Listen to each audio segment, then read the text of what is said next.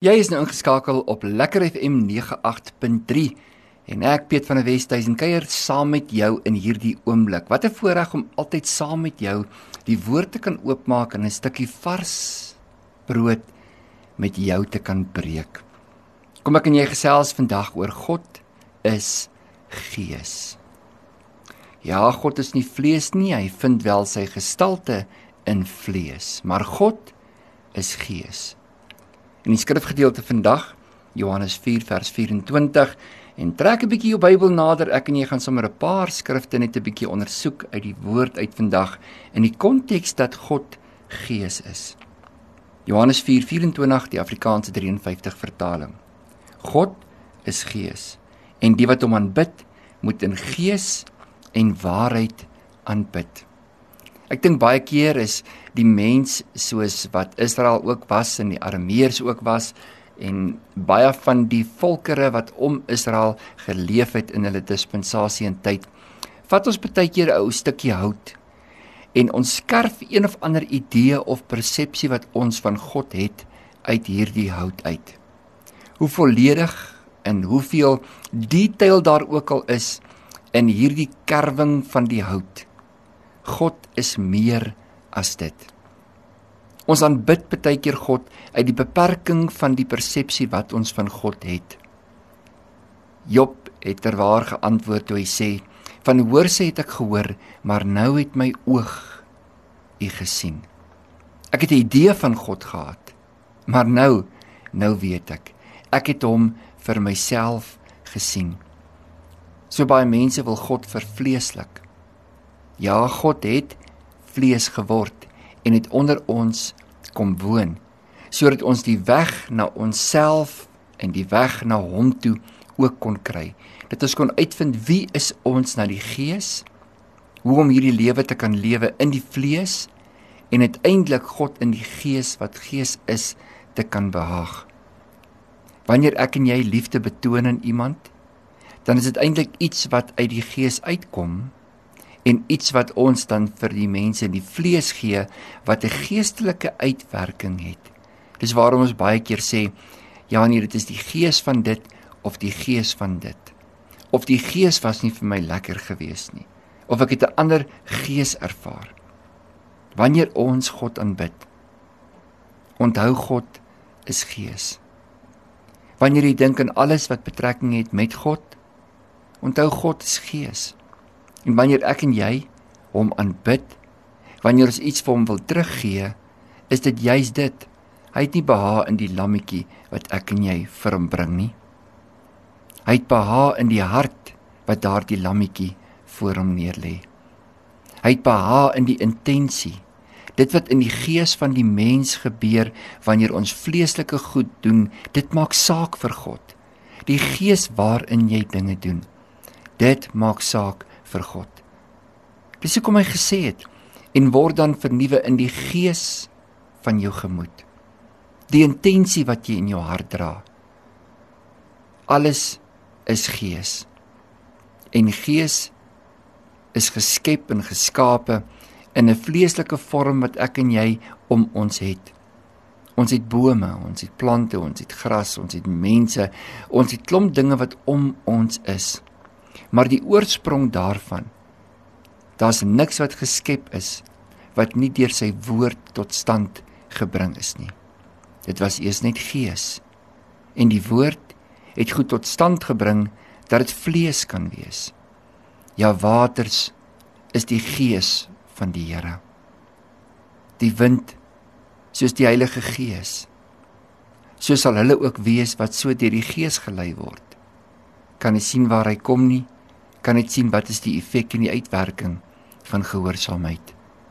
Christus soos die rots, die stem soos die trompet. Ja, is gees. Wat is die gees van die dinge waarmee ek en jy ons besig hou? 1 Johannes 4 vers 2 Hierdan ken julle die gees van God. Elke gees wat bely dat Jesus Christus in die vlees gekom het, is uit God uit. Ja, hy het gekom as 'n mensekind gebore in Bethlehem. So het hy in die vlees gekom. Johannes 1 In die begin was die woord en die woord was by God en die woord was God. En dan verder in Johannes dan sê die woord en die woord het vlees geword en het onder ons kom woon en ons het sy heerlikheid aanskou. In die vlees was daar iets van God wat by my in jou bekend geword het. Die onsigbare het ewe skielik sigbaar geword. Die onhoorbare het ewe skielik hoorbaar geword. Ons kon iets van God sien wanneer ons na Jesus gekyk het. En dieselfde is daardie godheid ook in my en jou lewe teenwoordig. Ons het die gees van die lewende God. Elke gees wat bely dat Jesus Christus in die vlees gekom het, is uit God. Hy het in persoon gekom, maar hy het ook in jou vlees gekom. Christus die hoop van heerlikheid. Dis hy wat in jou gevorm word. Dis hy wat in jou gestalte kry. Die gees wat in jou vlees jou kom aanwakker en jou gees kom oprig sodat jy kan wees wie God jou geskaap het om te wees. Weet julle nie dat julle 'n tempel van God is en die gees van God in julle woon nie. 1 Korintiërs 3:16. Ja, jou liggaam is 'n tempel en die gees van God kom woon in jou tempel. Waarom sou die gees in die tempel woon sodat die tempel en die uitwerking en die lewe van hierdie tempel tot eer van God sal wees. Alles wat ek en jy in die vlees doen, dan ook 'n verheerliking vir God sal wees. Hy wat gees is, hy kry daardie verheerliking ook uit dit wat vlees is. Romeine 8 vers 9 sê die woord: "Julle is egter nie in die vlees nie, maar in die gees." As naamlik die gees van God in julle woon. Maar as iemand die gees van Christus nie het nie, die behoort nie aan hom nie. Want as 'n mens sonder God leef, dan leef jy maar volgens jou eie idees en denke en gedagtes oor jou lewe. Maar wanneer jy jou lewe vir hom gegee het, aan die wat hom aangeneem het, aan hulle het hy die mag gegee om kinders van God te kan word. Dan word jy syne. Dis hy wat nou in jou werk. Dis hy wat deur jou werk. Dis hy wat die lewe in jou geword het. Gees het in jou vlees kom woon.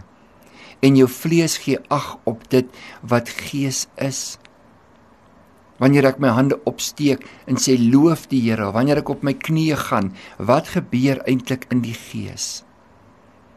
Daardie verheerliking, daardie ophef of daardie verootmoediging voor God, dit is iets wat in die gees plaasvind.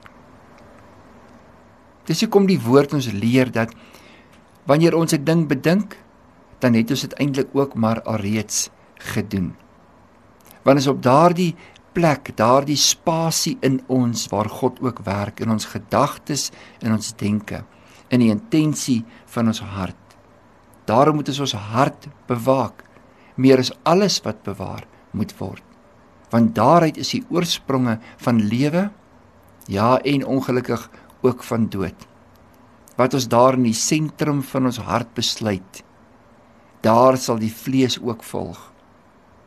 Maar ek en jy ons is nie in die vlees nie, maar in die gees. Hoe meer ons ag gee op wie God in ons is, hoe meer gees is ons, hoe meer lewe ons 'n lewe wat vir God welbehaaglik is, God wie gees is. Ons lewe is 'n welbehaag aan hom. 1 Korintiërs 6:20 want julle is duur gekoop verheerlik God dan in julle liggaam en in julle gees wat aan God behoort.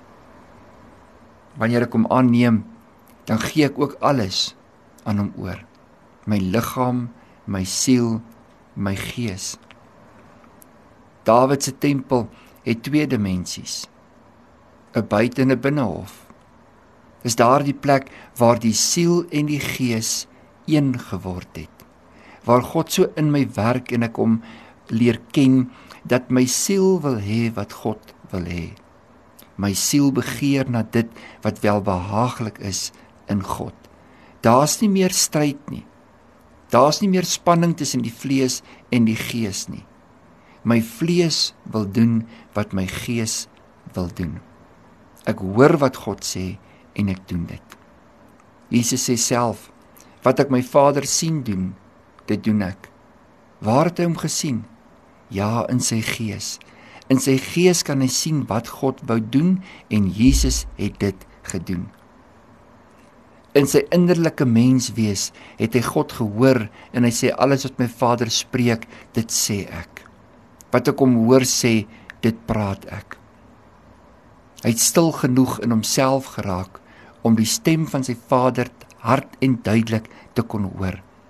En soos sy Vader met hom gepraat het, soos Gees met hom kommunikeer het, so het sy vlees dan ook dit wat Gees is en wat na hom toe gekom het in sy binneste, het hy uiterlik vir mense gegee. Dis die verskil wat ek en jy maak. God wat Gees is, werk ook deur ons vlees. 1 Korintiërs 2:10 Maar God het dit aan ons deur sy Gees openbaar, want die Gees ondersoek alle dinge, ook die dieptes van God. Wat ook al in jou lewe besig is om plaas te vind en waardeur jy gaan, laat die Gees wat in jou is toe om die dieptes van die Gees van God te ondersoek. Dat jy dit kan doen wat welbehaaglik in die Here is. Dit wat doen dat jy dit kan doen wat reg in sy oë is. Die Gees self getuig saam met ons gees dat ons kinders van God is. God leer sy kinders. God investeer waarhede in jou gees. God praat met jou. God leer jou. Dis jou gees wat weet wat om te doen. Romeine 8:14 want almal wat deur die gees van God gelei word, die is kinders van God. Laat God toe om jou vandag te lei. Luister na hom. Moenie dat die stemme van die mense in die wêreld en die media ooit harder word as die stem wat jou lei in jou leer nie. Onthou wat uit die vlees gebore is, sê Johannes 3:6. Dit is vlees en wat uit die gees gebore is is gees. 2 Korintiërs 3:17 Die Here is die gees en waar die gees van die Here is daar is vryheid. Dis die begeerte wat jy het. Jy is nie net uit die vlees gebore nie. Jou vlees het gestalte gevind in hierdie wêreld, maar so ook daardie dag toe jy Jesus in jou lewe innooi is daar gees in jou gebore. Dis hierdie gees wat jou kontakpunt tussen jou en God is. Dis daar waar jy God se stem hoor. Dis daar waar jy deur jou menslike oë buitekant toe kyk en vanuit binnekant jou gees kan sien wat is dit wat God wil doen. Wat wil God deur jou doen? Wat wil hy deur jou hande verrig? Waarna toe lei God jou voete om te kan loop. Het jy al die skoene van die bereidwilligheid van die evangelie aangetrek om te loop waar Jesus met jou wil loop? Om te praat wat hy deur jou mond wil praat. Om jou ore te rig en baie sensitief te wees vir wanneer God met jou praat. Dat ons nie hardhorend sal wees vir die stem van die Here nie, maar altyd sal toegee, gereed sal wees om te kan sê praat met my. Ek luister, Here. En dit wat U sê, dit doen ek.